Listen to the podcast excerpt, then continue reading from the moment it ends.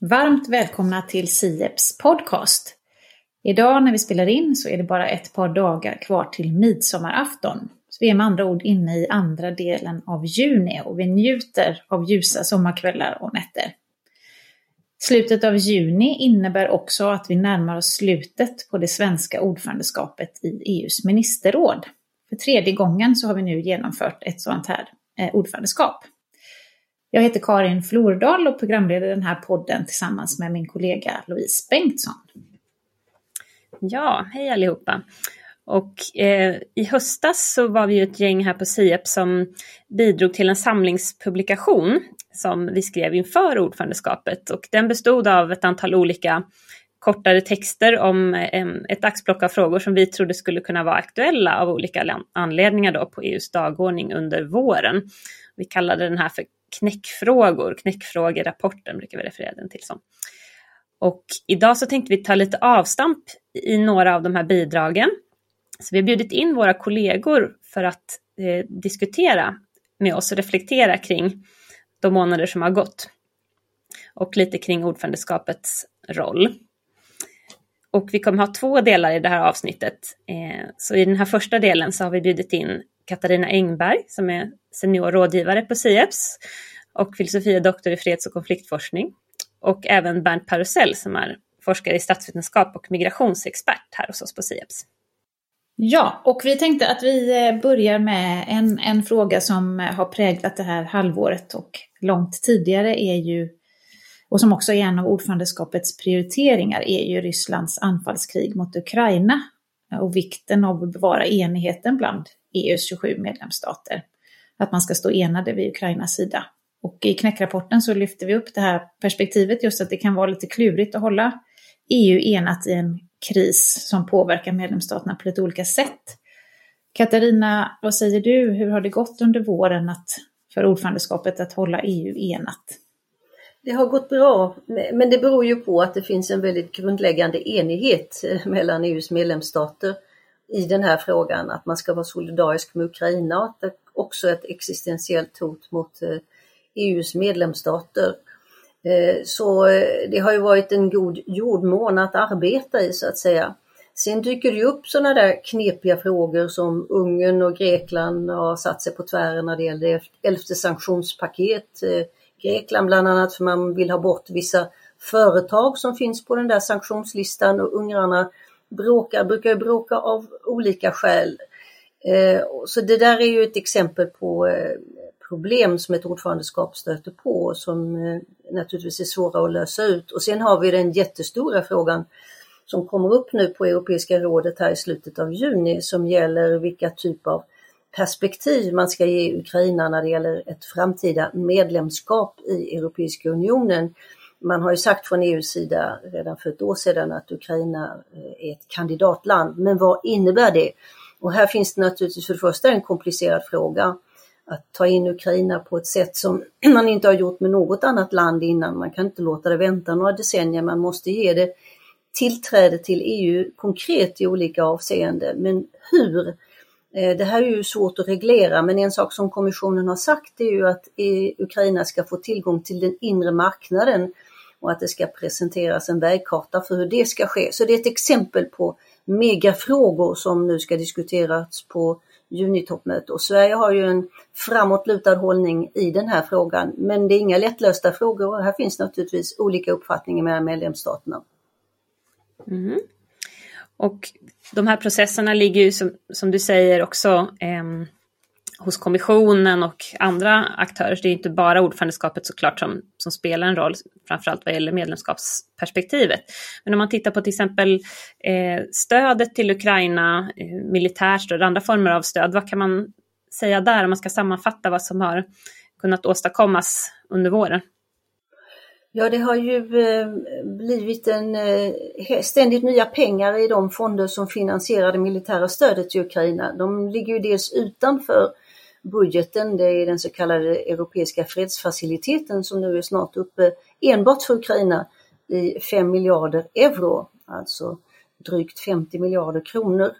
Eh, och eh, därtill kommer då också pengar som anslås inom EUs budget till att uppgradera europeiska försvarsindustriernas möjlighet att skynda på produktion av sån försvarsmateriel som eh, Eh, Ukraina vill ha och då anslår man 500 miljoner euro, alltså drygt 5 miljarder kronor i, eh, från EUs budget. Och så är det som vanligt tänkt med sådana här finansiella stöd att medlemsstaterna ska dubbla det där genom privata och offentliga investeringar så att det totalt ska bli en miljard euro till produktionskapacitet för ammunition och missil till Ukraina. Så det här är ju en, en knepig fråga därför att EU kan inte använda sin budget för att köpa materiel till Ukraina. Därför har man den här fonden, Europeiska fredsfaciliteten som ligger utanför budgeten.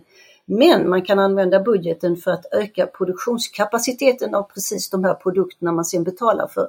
Och då kan man använda budgeten. Men det där har man ju fått igenom. Jag tycker då det är lite, där tror jag att det har varit en, en stor enighet mellan medlemsstaterna. Jag kan konstatera när det gäller Sverige att det svenska försvarsutskottet förra året var kritisk till den här tanken på gemensam upphandling och stärkandet av produktionskapacitet i Europa. Det hette då EDIRPA, i slutförslaget blev det ASAP, ASAP. Och försvarsutskottet var enigt i detta därför man tyckte att kommissionen blandade sig för mycket. Det var en invändning man hade. Men under, som ordförande har Sverige bytt position och sagt att man skulle positivt driva den här frågan, vilket man också har gjort med framgång. Så det är faktiskt ett exempel på intressant exempel där det har skett en, en positionsutveckling från svensk sida. Men det där har gått bra på det stora hela när det gäller det militära stödet till eh, Ukraina. Och det är ju bara en del av vad EU gör. EU ger också finansiellt stöd till att hålla den ukrainska staten under armarna, löner och annat och humanitärt stöd. Och EU, man lägger ihop militärt, humanitärt, finansiellt stöd till Ukraina så gör européerna ungefär lika mycket som amerikanarna. Men amerikanarna lägger ner mer på det militära stödet än vad européerna gör och européerna lägger mer på det här eh, stödet till den eh, ukrainska staten, det finansiella stödet och det humanitära stödet. Men de är jämförbara summorna. Kan man säga att de kompletterar varandra, EU och USA? Ja, det är ju lättare för en nationalstat som EU, världens, som USA, världens mäktigaste militärmakt att fortare få fram materiel än det har varit för européerna. Eh, så USA har ju haft en fördel och det har ju varit en fördel för, eh, också för européerna och för Ukraina. Men européerna kommer långsamt i fatt så att säga. Och just nu är det Tyskland som har blivit den största bidragsgivaren bilateralt till Ukraina. För européerna ger ju inte bara stöd via de här eh, budgetdelarna som jag just beskrev utan också direkt bilateralt så, så Tyskland är nu uppe i 4,6 miljarder euro i militärt stöd till Ukraina och det är ju verkligen exempel på en mycket svår omställning från Tysklands sida. Det land som under naziregimen angrep Sovjetunionen en gång i tiden att vända eh, och istället landa i en position där man ska vara framåtlutad och förse Ukraina med militärt stöd i kampen mot Ryssland. En enorm omvälvning från Tysklands sida och det är väl en mätare så gott som något på hur eh, européerna har fått eh, genomgå en total identitetsförändring i de här frågorna.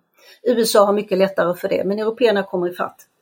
Mm, det är stora positionsförändringar. Är det eh, någonting som man kan säga också kring den här andra diskussionen om återuppbyggnaden av Ukraina och eh, initiativet som Sverige då tog som ordförande att tillsätta en grupp för att titta på just frysta ryska tillgångar. Är det en framkomlig väg eller vad, vad finns att hämta där tror du Katarina? Ja, det är en svår fråga och jag är inte specialist på det här. Vad jag förstår finns det en massa juridiska problem när det gäller att omsätta det här i verklighet eh, och som någon specialist behöver uttala sig om. Eh, så det är, eh, intentionen finns där men om man kan genomföra det eh, så att säga full, full, i full skala, det återstår väl att se. Det har också talat om en, en minivariant av det här förslaget som då skulle vara juridiskt mera framkomligt. Men man har ju också problem med det där att få medlemsstaterna själva att eh, identifiera hur mycket man har fryst av ryska tillgångar med länder som Cypern som ju får många sådana ryska investeringar där där man från kommissionens sida då är på Cypern och säger, men har ni verkligen redovisat alla ryska investeringar ni har fått? Så kort sagt, det här är en komplicerad fråga både gentemot medlemsstaterna men framförallt när det gäller juridiska ramverket för att kunna frysa tillgångar på det här sättet. Och vad, vad, finns det att säga om eh, just bredare om säkerhetsrelaterade frågor? Det finns ju också en diskussion om ekonomisk säkerhet. Ja, först ska man bara säga då att eh, när det gäller det här, om vi tar, fortsätter lite med Ukraina och Ryssland, att elfte sanktionspaketet som ju då inte riktigt har kommit i hamn ännu för att det finns invändningar på sina håll. Det har ju att göra med att man vill komma runt eller man vill förhindra export via andra länder in i eh, Ryssland av eh, olika saker som har sanktionerats av EU och det gäller ju halvledare till exempel där ju Turkiet, Eh, Eh, Kina och så vidare, de är transitländer för den här typen av eh, sanktioner. Eh, så det är ju ett, ett arbete som då fortsätter när det gäller gentemot Ryssland. Därför Ryssland har ungefär till två tredjedelar att kunna kompensera för det man inte har fått direkt via EU genom de här kringvägarna via sina grannländer som ser genom fingrarna då med den här typen av export till Ryssland. Men sen har vi ju en annan form av ekonomisk säkerhet som har kommit upp som inte har med Ryssland att göra. Det gäller ju Kina.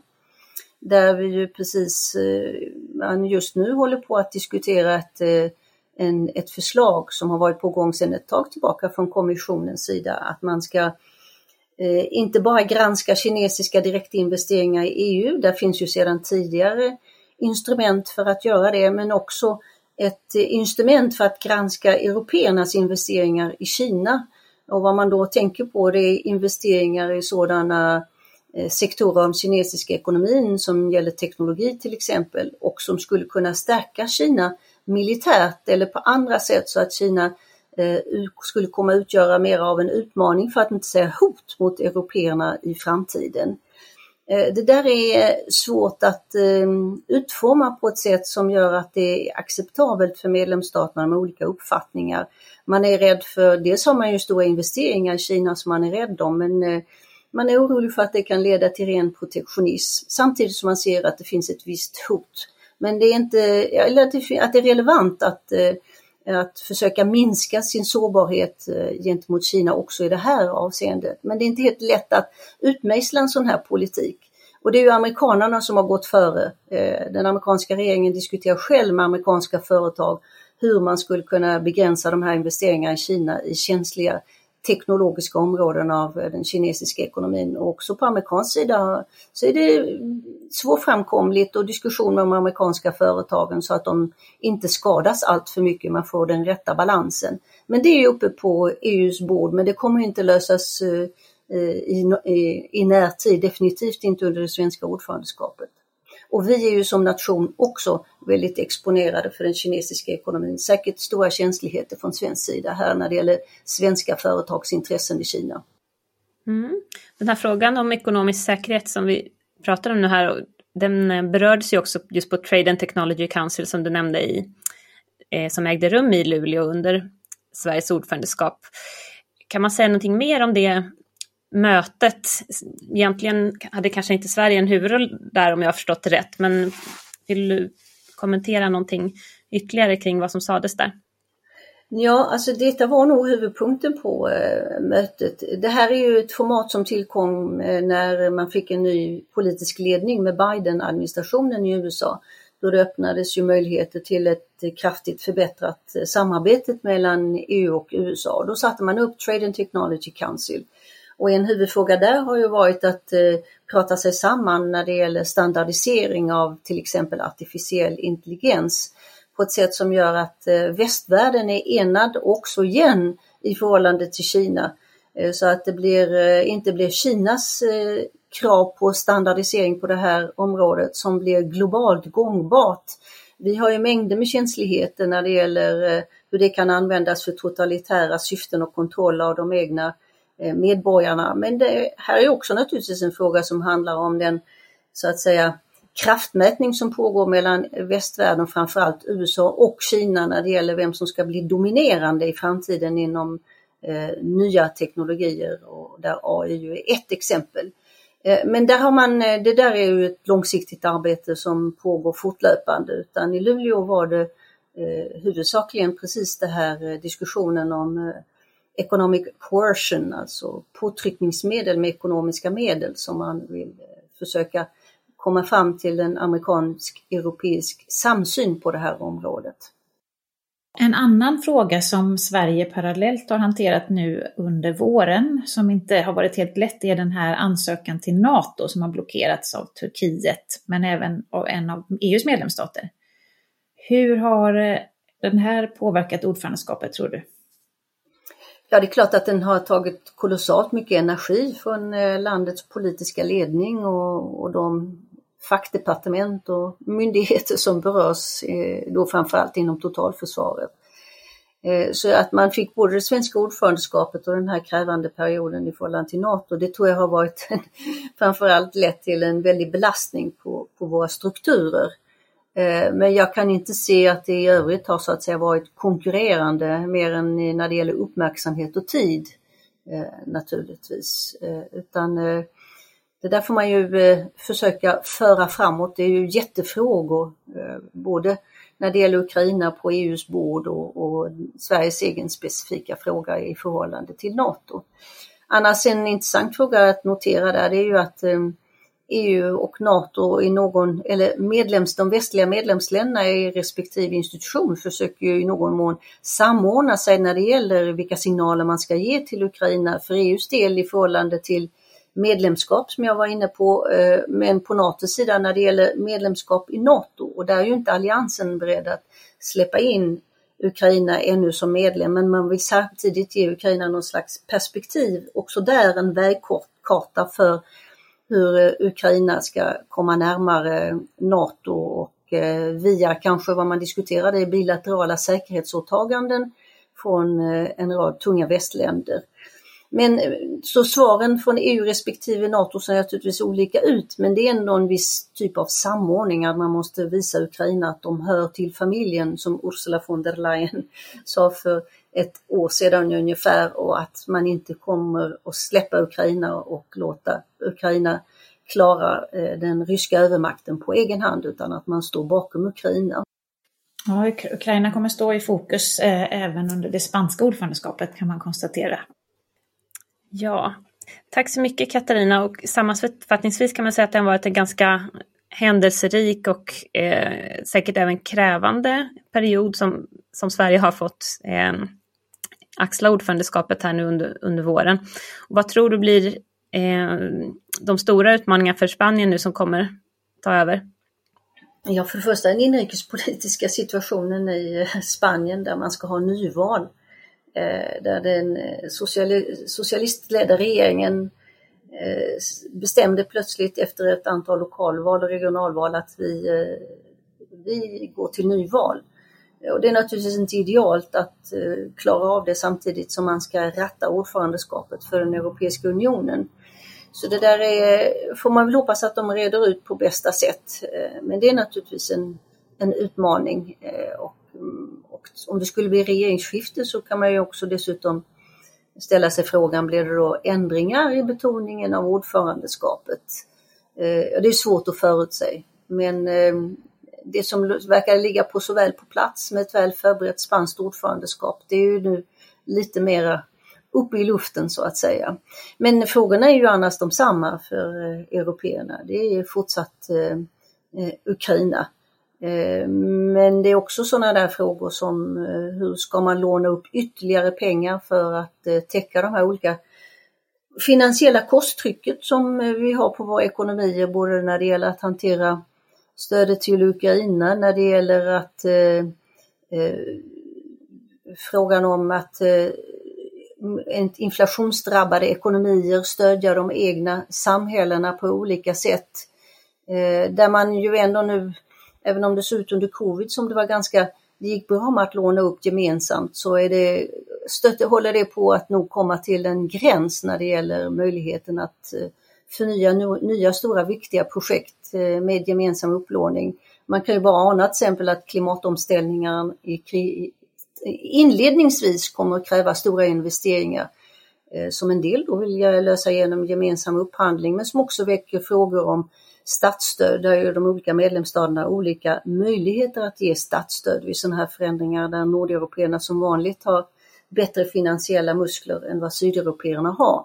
Så jag skulle säga en, en fråga som jag tror blir växande, det är det här finansiella kosttrycket på våra ekonomier när det gäller att möta alla de här olika utmaningarna vi står från, från klimatförändringar, inflation till kriget i Ukraina och alla de stora försvarssatsningarna som nu kommer. Tack så mycket Katarina.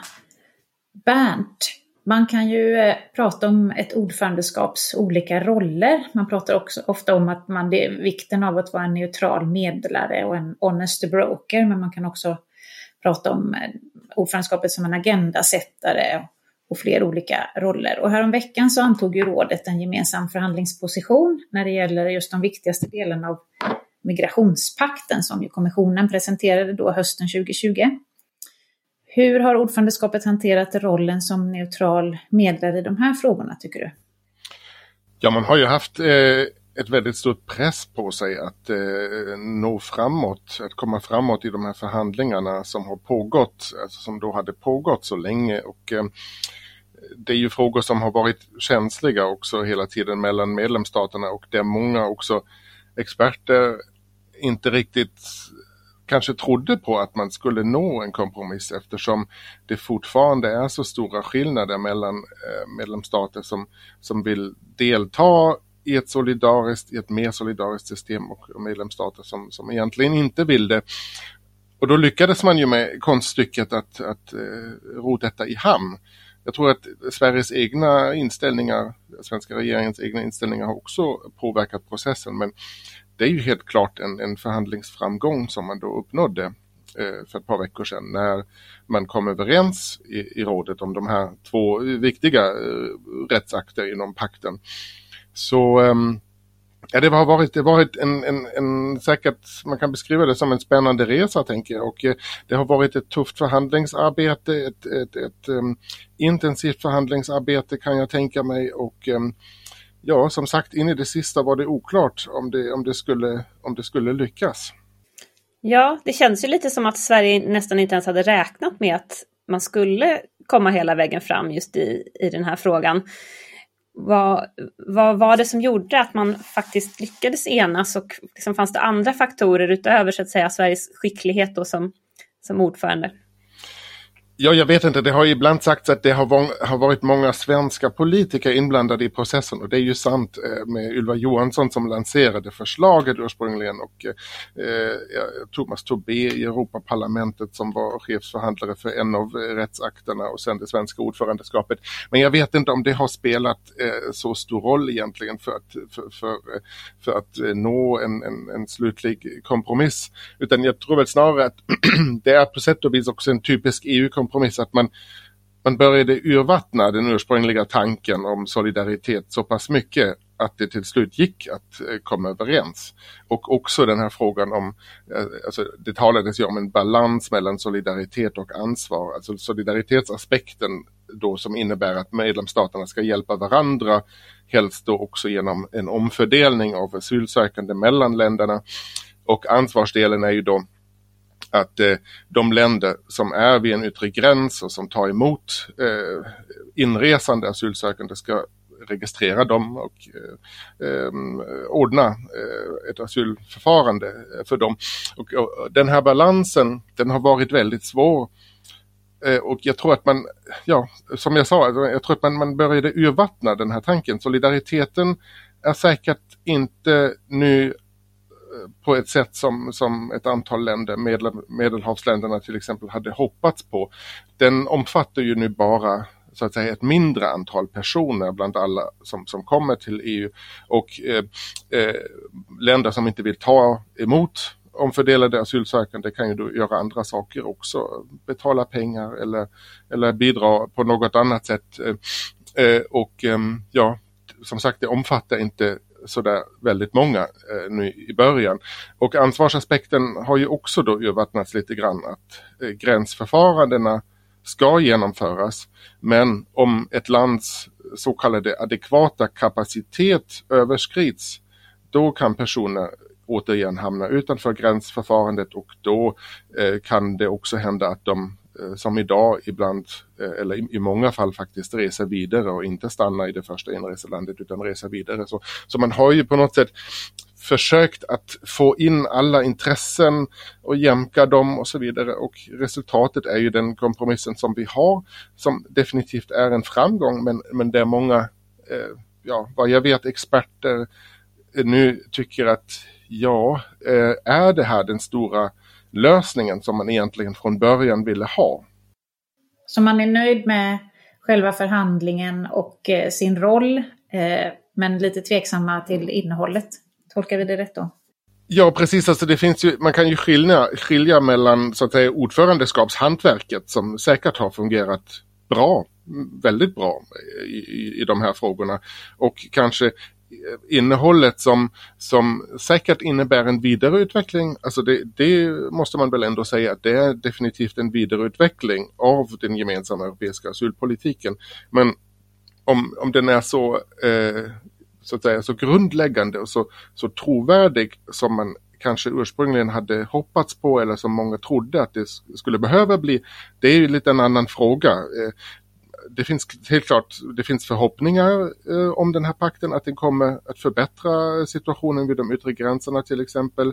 Att solidariteten har positiva effekter, att man kommer framåt i harmoniseringen och så vidare. Men det finns ju också väldigt många skeptiska röster som, som, som tror att ja egentligen går vi eh, alltså, egentligen försvagas kanske harmoniseringen eh, till och med jämfört med det, tidig med det tidigare systemet i och med att det införs så många undantag just och olika typer av förfaranden och så vidare. Så, så jag tror att det Alltså naturligtvis beror det på vem du frågar så, så, så tycker vissa att det här är ett väldigt bra paket och andra tycker att eh, man, man, man måste vara skeptisk att kanske det här, eh, det här paketet inte löser eh, de migrationsutmaningarna och, och flyktutmaningarna som, som EU står inför. Mm. Vi såg ju inte minst nu här i dagarna den här fruktansvärda båtkatastrofen utanför Greklands kust också. Men ja. det här är ju då rådets position, Bernt, och eh, nu så är det ju tanken att eh, Spanien ska ta över och vi ser framför oss en förhandling i trilog med Europaparlamentet. Eh, hur kommer det här gå? Eller vad ser du framöver kommer hända? Ja, det är naturligtvis en stor fråga. Jag tror att, eh, men alltså min gissning är väl ändå att eh, den här hela den här, det här paketet, migrationspakten, att det kommer att gå i hamn så småningom. Men Europaparlamentet vill ju säkert ha förbättringar. Det, det tycker jag är ganska tydligt när man jämför deras förhandlingsposition och rådets. Att, att parlamentet lägger mer vikt på just den här solidaritetsaspekten till exempel. Mer omfördelning, mer gemensamt ansvarstagande. Eh, de betonar också rättssäkerhets, rättssäkerhetsaspekter i asylförfaranden mer och garantier för, för, eh, för personer som söker asyl, inte minst också familjebarn och så vidare. Ehm, så att där finns ju ändå skill skillnader som, som, som, som kan bli lite svåra faktiskt att lösa. Eh, inte minst återigen den här solidaritetsaspekten som jag, som jag tror blir en, en, en stötesten. Men å andra sidan så ser jag att Europaparlamentet är inte lika idealistiskt eh, som, som det brukade vara en gång i tiden. Det har ju med åren blivit mer pragmatiskt eh, också, också i den här frågan. Så, så, så jag tror att när, man, när, när parlamentet antog sina positioner eh, till de här rättsakterna så eh, var de inte lika, eh, låt oss säga ambitiösa eh, och eh, Eh, idealistiska kanske som de, som de var förra gången när det förhandlades om en, en, en större reform. Så att det tyder ju på att man verkligen vill komma överens också. Eh, och det var ju också det som, som rapportörerna i parlamentet sa att eh, de, de räknar med att det blir att, att inte få igenom eh, alla, eh, alla positioner som parlamentet hade och de eh, ser fram emot eh, trilogförhandlingar. Så jag tror att man är ändå inriktat på att det här ska att man ska kunna, kunna komma överens i de här frågorna. Men sen finns det kanske, som jag skulle vilja lägga till, det finns lite fler osäkerhetsaspekter när det gäller eh, den framtida processen ändå. Det är ju ändå två medlemsstater som har, som har röstat emot i rådet, eh, mot eh, rådets gemensamma position och fyra har lagt ner sina röster. Eh, och det kan ju hända att eh, de här länderna försöker lyfta lite olika positioner och, och lobba, arbeta lite emot eh, en möjlig lösning. De vill kanske inte ha den här pakten och, och de kanske kommer mobilisera lite eh, för det. Och, och det kan ju eh, kanske inte stoppa processen helt men det kan ändå påverka förhandlingsprocessen. Och när jag ser eh, diskussionen i Tyskland till exempel, den, där var det en diskussion som kom igång ganska sent om migrationspakten men en, en ganska, um, ganska eh, ja vad ska jag säga, stor och kontroversiell eh, diskussion nu om olika delar av pakten och där verkar man ha lite eh, ja, second thoughts kanske. Alltså, det diskuteras om, om, om den position som, som den tyska regeringen antog i rådet verkligen är bra. Eh, så, så där finns ju också eh, lite osäkerheter och ehm, ja, hela processen kommer ju att ta några månader också. Man vill ju ha en kompromiss eh, våren, under våren nästa år. Och som vi vet så kan ju mycket hända inom migrationsområdet. Eh, det finns ett stort tryck, eh, ett stort migrationstryck det är, som du sa Louise, en, en, en stor och mycket allvarlig katastrof eh, i Medelhavet igen utanför Greklands kust. Eh, frågor kring sjöräddning och frågor om den här, då ställs ju också pakten, eh, eh då ställs ju också frågan, kan den här pakten förebygga sådana här situationer? det är väl lite tveksamt. Så, så, så där, det händer väldigt mycket också som kan påverka processen framåt. Men som sagt, överlag så, så tror jag att till slut blir det en, en, en kompromiss i den här frågan, är min gissning. Mm. Så även eh, inom det här området så finns det mycket för det spanska ordförandet att göra framöver helt enkelt.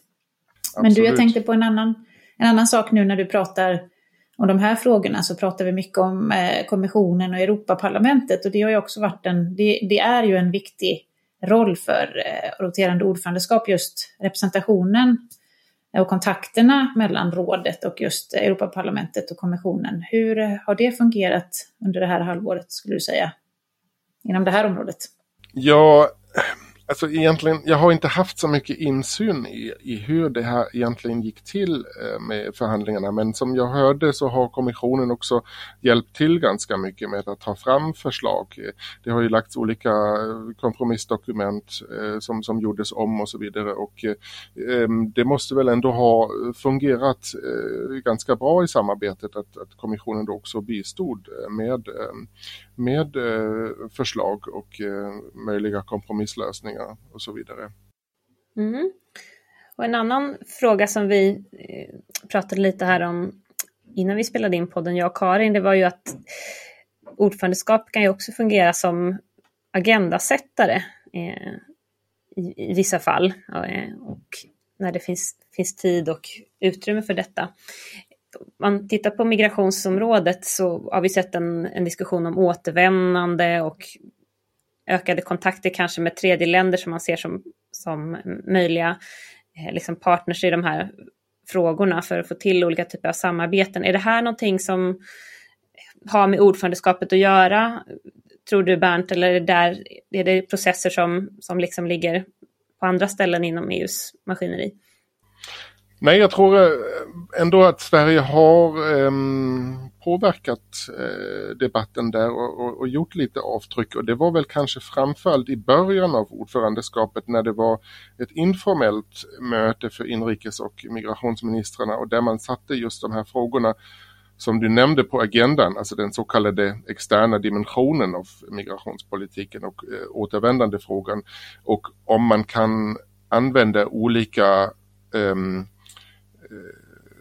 olika instrument som påtryckningsmedel också eh, för att få ihop för, för, att, för, att, få ett bättre samarbete med viktiga ursprungs och transitländer. det talades ju till exempel om att, att man kan använda viseringsregler eh, som, som ett påtryckningsmedel, att, alltså att göra det svårare för människor från länder som inte samarbetar kring återvändande eh, att, att, att, få visum eh, till EU. Eller också att använda biståndsmedel Eh, som ett påtryckningsmedel, alltså att villkora biståndet. Det har varit mycket diskussion kring det också. Och eh, handelsregler. Så, så där förs ju också olika samtal och dialoger nu och eh, jag tror att det är en fråga just den här, de här yttre relationer, den externa dimensionen av migrationspolitiken, där har Sverige eh, gjort eh, avtryck. Och eh, vi är ju nu inne i ett intressant skede också där, där EU vill samarbeta mer med Tunisien till exempel som är ett viktigt transitland till viss del också ursprungsland faktiskt för eh, den så kallade irreguljära migrationen eh, till EU över, över Medelhavet och där vill man ju ha ett bättre samarbete. Eh, men här har jag väl mest hört att man vill använda morötter och inte piskor. Alltså där är det väl tal om att, att eh, Tunisien ska få pengar och stöd från EU för att samarbeta mer och då i förebyggande syfte, alltså att Tunisien ska, ska hjälpa EU att, att förebygga irreguljära migrationsströmmar. Men eh, också kring återvändande och eh, då har det ju också diskuterats att det i migrationspakten nu ska finnas en så kallad eh, tredjelandsklausul, säkert tredjelandsklausul.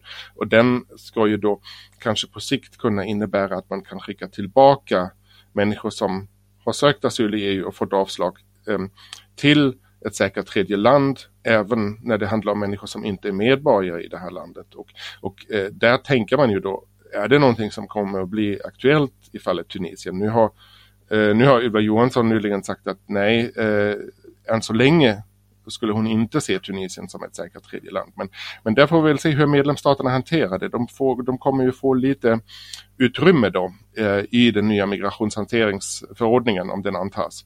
Att, eh, att tolka det här och, eh, och använda det. Så, ja, så hela den här frågan om förebyggande av irreguljär migration och eh, förbättra återvändandet och så vidare. Där, där tror jag ändå att Sverige har präglat eh, debatten och påverkat den.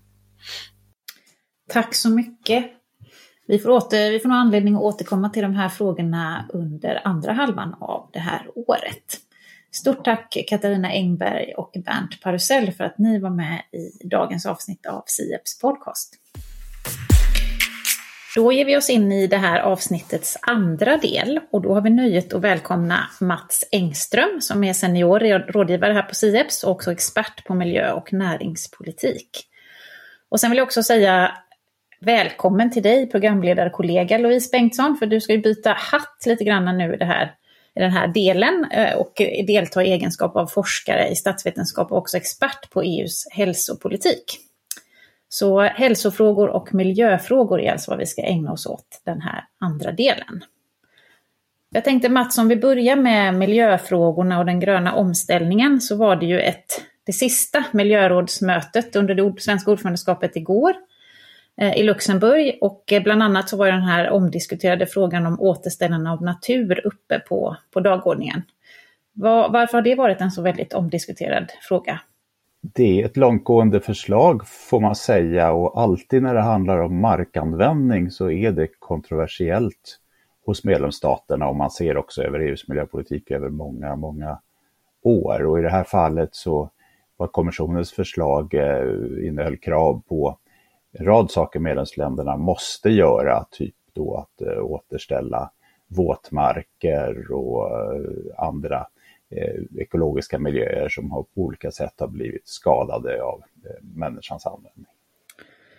Eh, och om man då, jag följde media och har tittat lite grann på pressträffarna efter det här miljörådsmötet och de verkar ju nöjda både från kommissionen och från det svenska ordförandeskapet, men det har också diskuterats just Eh, hur, det har, hur det har gått till den här, man har jobbat fram den här kompromissen just utifrån eh, ordförandeskapets roll. Att man, att, man, att man förhandlade fram en kompromiss som Sverige sen röstade nej till.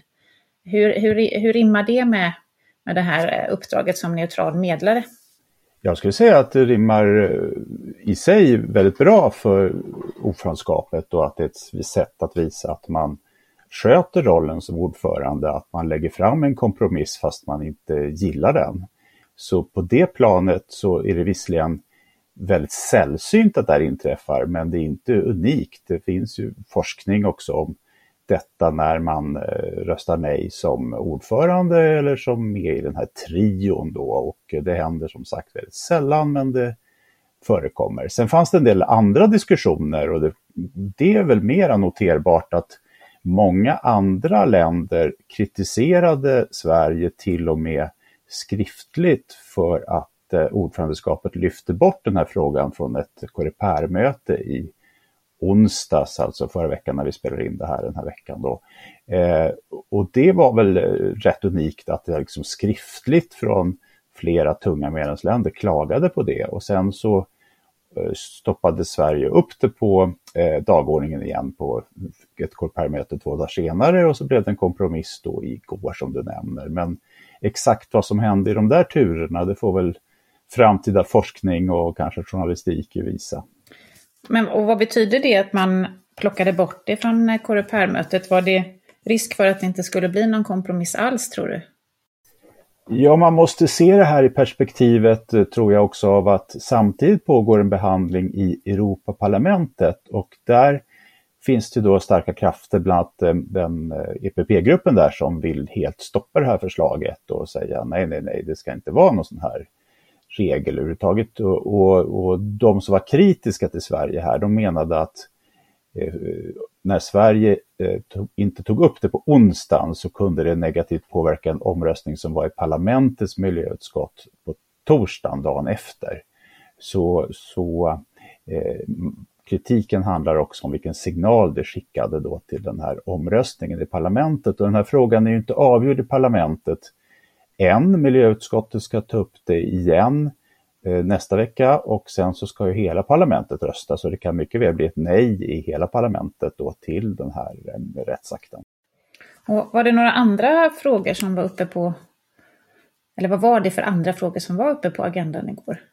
Ja, det här var den stora frågan på miljörådet, men de diskuterade också ett par eh, nya förslag som kommissionen har lagt fram, bland annat eh, hur lastbilar och bussar ska släppa ut mindre eh, klimatpåverkande ämnen, ja koldioxid är det ju då.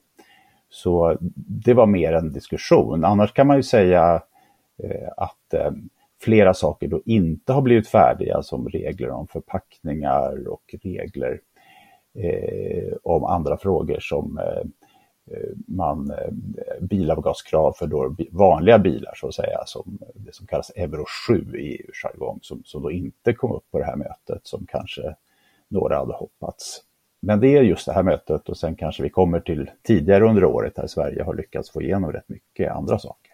Mm. Och apropå det så så eh, är det ju en, en rad lagstiftningsakter som nu har stått på agendan under våren vad gäller den här gröna omställningen och även om stora delar av det här klimatpaketet Fit for 55 klubbades under Tjeckiens ordförandeskap där innan jul. Så om man tittar tillbaka då på det svenska ordförandeskapet och eh, de framgångar som det svenska ordförandeskapet har nått, vad, kan du lyfta fram några av, av dem? Jag tror man ska se det i två delar. Det ena är att Eh, Eh, man har kommit överens med Europaparlamentet om eh, rätt många frågor i det här, som du sa, Fit for 55-paketet om, om klimatet. Och eh, det har varit eh, enligt plan kan man väl säga. Som du sa, tjeckerna gjorde en väldigt viktig insats också, som statsministern sa häromdagen. Svenska Europaparlamentariker var ju viktiga då här före jul redan. Men sen är det mycket annat man skulle komma överens om och där finns det en rad eh, eh, rättsakter, bland annat om eh, förnybar energi och energieffektivitet och hållbara flygbränslen och bränsle till sjöfarten och laddstolpar för elbilar. Så, så man har lyckats eh, förena rådets position och eh, Europaparlamentets. Och, det har varit viktigt att man har kunnat göra det även i en tid av höga energipriser och en sorts motvind ändå för en, många medlemsländer mot de här frågorna. Så så det skulle jag säga, det är en del det man har kunnat klara av med parlamentet. Och sen så har man också i miljörådet direkt mellan regeringarna kommit överens om några viktiga saker som ett, eh, nya regler för industriutsläpp, framförallt då från fabriker men också delvis från jordbruk. Eh, och som vi pratade om nu, den här återställande av natur, men också i ett annat ministerråd eh, om eh, ekodesign av produkter. Men det är någonting som i många länder ligger på miljödepartementet och som har föreslagits av arbetet har skett liksom av kommissionens generaldirektorat för miljöfrågor. Så att det är en rätt lång lista. Man klarade inte av allt man hade planerat, men väldigt mycket. Och man har, eh, kan man se det som att man har drivit på i de här viktiga frågorna och så, som du pratar om nu, positioner inom om rådet just, att man nu lämnar man över det då till nästa ordförandeskap som är Spanien? Man har skött sin roll som en opartisk eh, eh ordförande skulle jag kanske beskriva det som. Eh, och man har också fått kritik ibland. Nu var ju det i och för sig då energiministrarna, men eh, i måndag så skulle man försöka komma överens om elmarknaden och då la man ett förslag som skulle ha betytt att Polen fick subventionera sina kolkraftverk eh, på ett sätt som många andra var kritiska till och så följde förslaget för tills vidare. Så det är inte bara så att man lagt kompromissförslag som så att säga har varit åt det gröna hållet här. Men det jag kanske skulle ta upp är väl också att eh, man har ju valt eh, kanske då att inte ta upp eh, saker som har drivit på ny lagstiftning på det informella miljöministermötet som var här tidigare i vår, som ofta används just för att eh, liksom pusha ny lagstiftning, så valde man istället att i huvudsak låta företag komma och berätta vad de vill. Och det var ju ett politiskt val som man gjorde, som man kan göra, men, men det var så inte att driva på ny lagstiftning om kemikalier till exempel, som vissa ville att Sverige skulle försöka få upp på det här mötet. Just det. Och nu är du inne lite på rollen som agendasättare. Eh, vilket man, den rollen kan man också ha som ord, ordförande. Eh, och ett fokus för Sverige har ju under våren varit just det här med, med konkurrenskraft. Och här har ju Sverige lyckats med agendasättandet kan man väl säga. Hur har det bäring på den gröna omställningen? Ja, jag tycker för det första att det är ett väldigt bra exempel som du säger på det här med dagordningsmakten och, och kanske lite underskattat i medierapporteringen så här långt. Eh, det ska också ta slutsatser om det här vad jag förstår på Europeiska rådets möte nästa vecka. Och då får man ju se vad som står där. Men det här är ett initiativ som kan få rätt stora effekter på olika sätt och som då har drivits som ett eget initiativ eh, får man säga. Det är också någonting som har drivits rätt mycket av europeiska näringslivsorganisationer, Business Europe bland annat och Svenskt Näringsliv. Eh, ja, det beror ju på hur eh, det här sen blir i praktiken. Det finns eh, eh, de som talar om grön konkurrenskraft på olika sätt. Eh, och det är klart att det är liksom en sätt att resonera kring det där man säger att den här gröna omställningen ökar konkurrenskraften. Men det finns också de som är oroliga över att vissa inslag i det Sverige har drivit här och andra har drivit kan bromsa miljöarbetet genom att göra det svårare att lägga fram ny lagstiftning och att man ser det som en börda för företagen i en alltför stor utsträckning och, och så. Så att där har både europeiska miljöorganisationer och konsumentrörelse och Europafacket varit rätt kritiska mot delar av det här. Så vi får se helt enkelt. Man har fått upp det på agendan och så får man se vad det mynnar ut i så småningom. Men du, en annan snackis här under våren har ju varit turerna kring det här förbudet mot förbränningsmotorer där Tyskland då i sista stund ändrade ståndpunkt. Och sen gjordes ändå en överenskommelse som kunde rädda hela processen. Vad var det som hände då egentligen? Ja, och det är väl ett exempel då på att eh, ingenting är klart förrän allting är klart, höll jag på att säga. För det hade tjeckerna gjort en sån här överenskommelse också med Europaparlamentet i höstas. Och sen visade det sig att när eh, Tyskland eh, eh, hade en diskussion på hemmaplan och vissa bilföretag inte alls gillade det här med ett förbud mot att sälja bilar med förbränningsmotorer så kom de i sista stund och sa att nej, vi kan inte göra det formella godkännandet av den här kompromissen. Och då hade man ett antal turer, troligtvis mest mellan kommissionen och, och, och Tyskland, där man lyckades hitta en lösning i vanlig EU-anda, att man ska se över det här i framtiden. Och vad det handlar om då det är att vissa tyska biltillverkare, till exempel Porsche, om man känner till Porsche Carrera-sportbilen till exempel, mm. så vill de kunna köra den här på sina förbränningsmotorer eh, av någon anledning. Eh, och eh, fortsätta sälja denna klassiska modell även efter 2035. och eh, då vill man använda något som man kallar syntetiska bränslen, alltså man skulle kunna göra saker som ersätter bensin och diesel i samma typ av motorer fast utan eh, klimatpåverkan, hävdar man då. Mm. Och det är därför vill man ha ett undantag från det här förbudet. Mm. Och, och, nu ska man då titta på kriterier och huruvida det här verkligen går och så. Så den frågan kommer säkert återkomma. Men det var ett exempel, och det är inte det första heller i EUs historia, att just Tyskland och inte minst när det handlar om bilfrågor kan, kan gå in väldigt hårt i en fråga, eh, även om man trodde det var klart. Mm. Och eh, det kan man ju säga var en utmaning då för det svenska ordförandeskapet att det händer grejer sådär i när man tror att allting är klart. Men eh, vad skulle du säga har varit de största utmaningarna under våren för ordförandeskapet?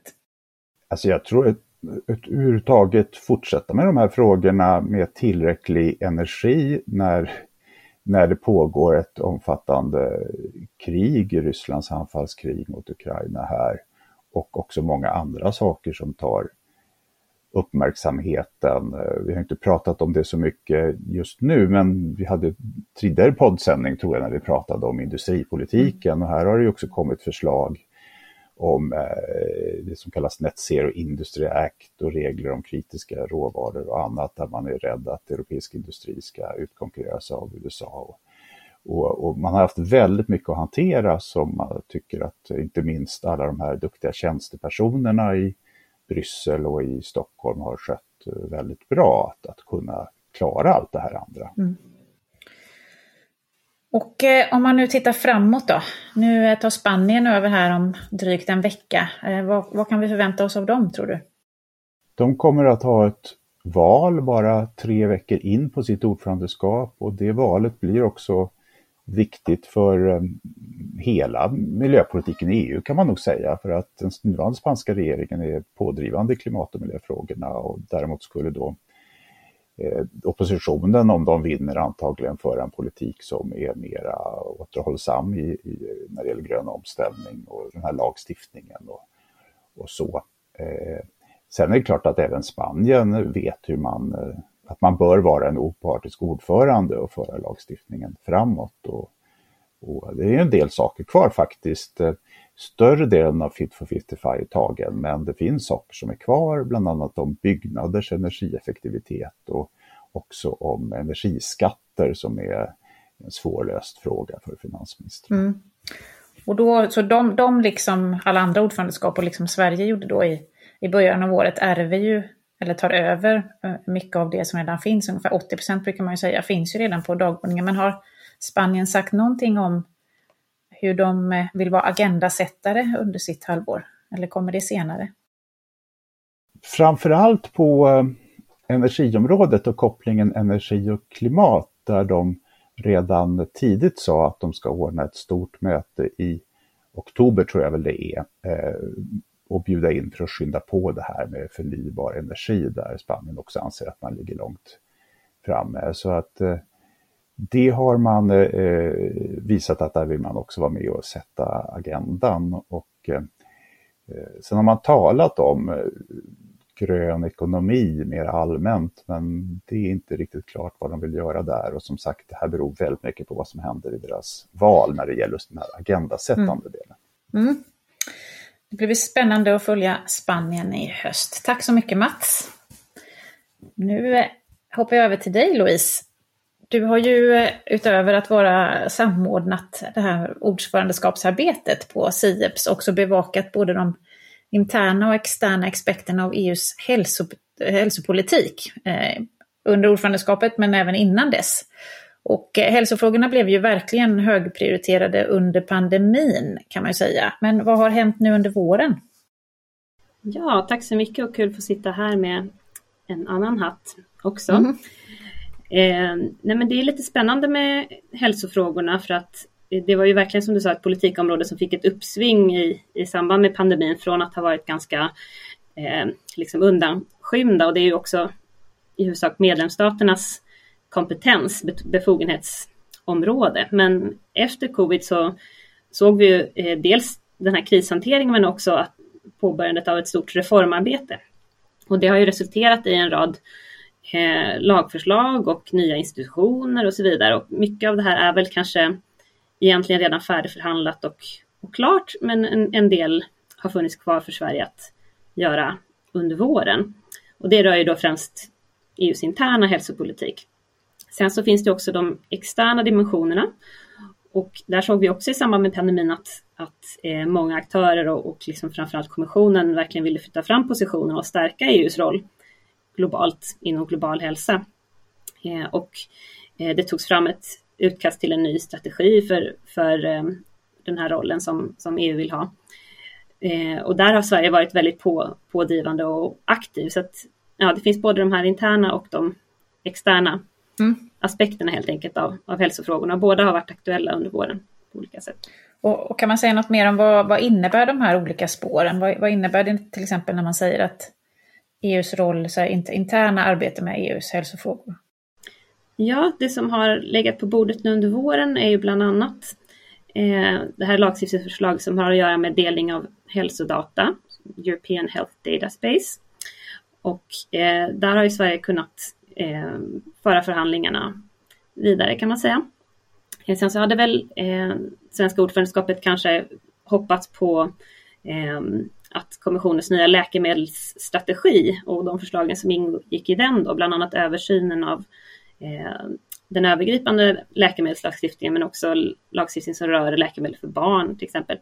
Att det skulle kommit lite tidigare, jag tror att det presenterades i maj, så att då ja, kunde man inte riktigt eh, Eh, lägga ner lika stort krut på, på just de aspekterna. Men läkemedel har varit någonting som ordförandeskapet har velat lyfta. Eh, bland annat på det informella hälsorådsmötet så eh, lyfte man det här med tillgång till läkemedel både i kris och i så att säga vanliga tider och det såg vi var någonting som, som blev ett problem under, under pandemin. Så att just eh, beredskap vad gäller läkemedel eh, var något som man jobbade för att lyfta. Och eh, sen så finns det också en del andra lagförslag som, som förhandlas som är lite mer eh, som inte har fått lika stor uppmärksamhet. Det är väl bland annat tror jag avgifterna till EUs läkemedelsmyndighet och ett annat förslag som rör standarder för eh, organ, blod och celler. Så att, ja, mm. det, finns, det finns många saker som pågår i EU och eh, ehm, det är värt det interna, att lyftas fram. Det interna, det interna spåret rör ganska mycket lagstiftning, eh, hör jag, dig, eh, hör jag att du säger. Eh, vad skulle du säga, hur har Sverige skött sin ordförandeskapet utifrån sina olika roller när det gäller de här förslagen? Ja, det som jag nämnde nu är väl, ja, men utöver kanske tillgången till läkemedel, rör väl främst då eh, rollen som, som eh, neutral medlare helt enkelt. Men jag vill också nämna ett annat initiativ där Sverige verkligen har försökt arbeta agendasättande och det är ju antibiotikaresistens. Ett område där Sverige nationellt också länge har varit en, en pionjär för att, för att motverka eh, detta hälsohot. Och här fick man faktiskt till eh, rekommendationer i rådet nedbrutna på landnivå också. Eh, just nu här precis här veckan och det tror jag kan bli ganska betydelsefullt. Eh, så att varje medlemsstat måste nu ta ansvar för att minska antibiotikaanvändningen i sina eh, sjukvårdssystem bland annat. Mm. Eh, och det hölls också ett högnivåmöte på det här temat. Så där skulle man väl kunna säga att eh, Sverige var framgångsrikt som, som agendasättare och det var också någonting som man men förutsåg och hade arbetat länge för att förbereda. Mm. Och om man då tittar på det externa spåret, vad kan det handla om för frågor? Ja, eh, där har vi ju det som, det som rör EUs roll eh, inom global hälsa. Och eh, kommissionen har ju tagit fram en ny strategi som kom genom ett meddelande i, i höstas. Och väldigt ambitiös strategi som handlar om att utöka den här rollen bortom bara just EUs roll som, som givare, som biståndsaktör, utan det handlar om att integrera hälsa i alla politikområden. Eh, verka för bättre hälsa för alla, tillgång till eh, eh, hälso och sjukvård för alla. Eh, så det är en ambitiös agenda och den, den handlar som sagt inte bara om eh, biståndsrollen men inte heller bara om pandemier och hur vi i Europa ska skydda oss mot, mot det. Eh, så det är ett, det är ett stort arbete som eh, som har påbörjats. Så här ville verkligen Sverige också vara eh, en aktiv eh, aktör och man har man satte ambitionen att kunna anta rådsslutsatser här nu under våren för att ge det här meddelandet, den här strategin en extra push. Men eh, tyvärr så har inte det riktigt eh, gått vägen. Det verkar ha stannat upp lite i rådet där och eh, det beror nog inte främst på Sverige som ordförande skulle säga, utan det är eh, ett antal länder som helt enkelt blockerar där på grund av olika känsligheter. Så det var kanske ett, ett nederlag, även om det inte eh, som sagt egentligen beror på, på Sveriges arbete tror jag. Mm. Ehm, man har också försökt arbeta eh, liksom med att ta tillvara på de globala möten som har hållits i andra fora, till exempel eh, när WHOs parlamentariska församling har, har sammanträtt eller eh, när det varit styrelsemöte för globala fonden för malaria, tuberkulos och aids, då ordnade man också sidomöten till exempel. Skulle säga att ordförandeskapet har varit ganska aktivt på det här området. Alltså, så då är det det svenska ordförandeskapet som mm. har ordnat de här sidoeventen för EUs räkning? kan man säga. Ja, tillsammans med kommissionen givetvis. Mm. Mm. Om man ser på, på det här som en helhet då, både det interna och det externa arbetet när det gäller EUs hälsopolitik, vilka har varit de största utmaningarna? Jag tror att en generell utmaning är väl, det är väl särskilt vad gäller den, den globala rollen, tänker jag att vi har en annan kris nu som, som helt dominerar och det är såklart kriget i Ukraina. Det har också bäring på, på hälsoområdet såklart. Man har hållit en diskussion också under det informella ministerrådsmötet om hälsosituationen i Ukraina. Men det är ju lite så att det här kriget tar ju upp väldigt mycket både energi och resurser från andra eh, internationella frågor just nu. Så att det kanske finns lite av en sån känsla framförallt vad gäller EUs roll inom global hälsa som eh, ja, att kriget helt enkelt överskuggar det arbetet.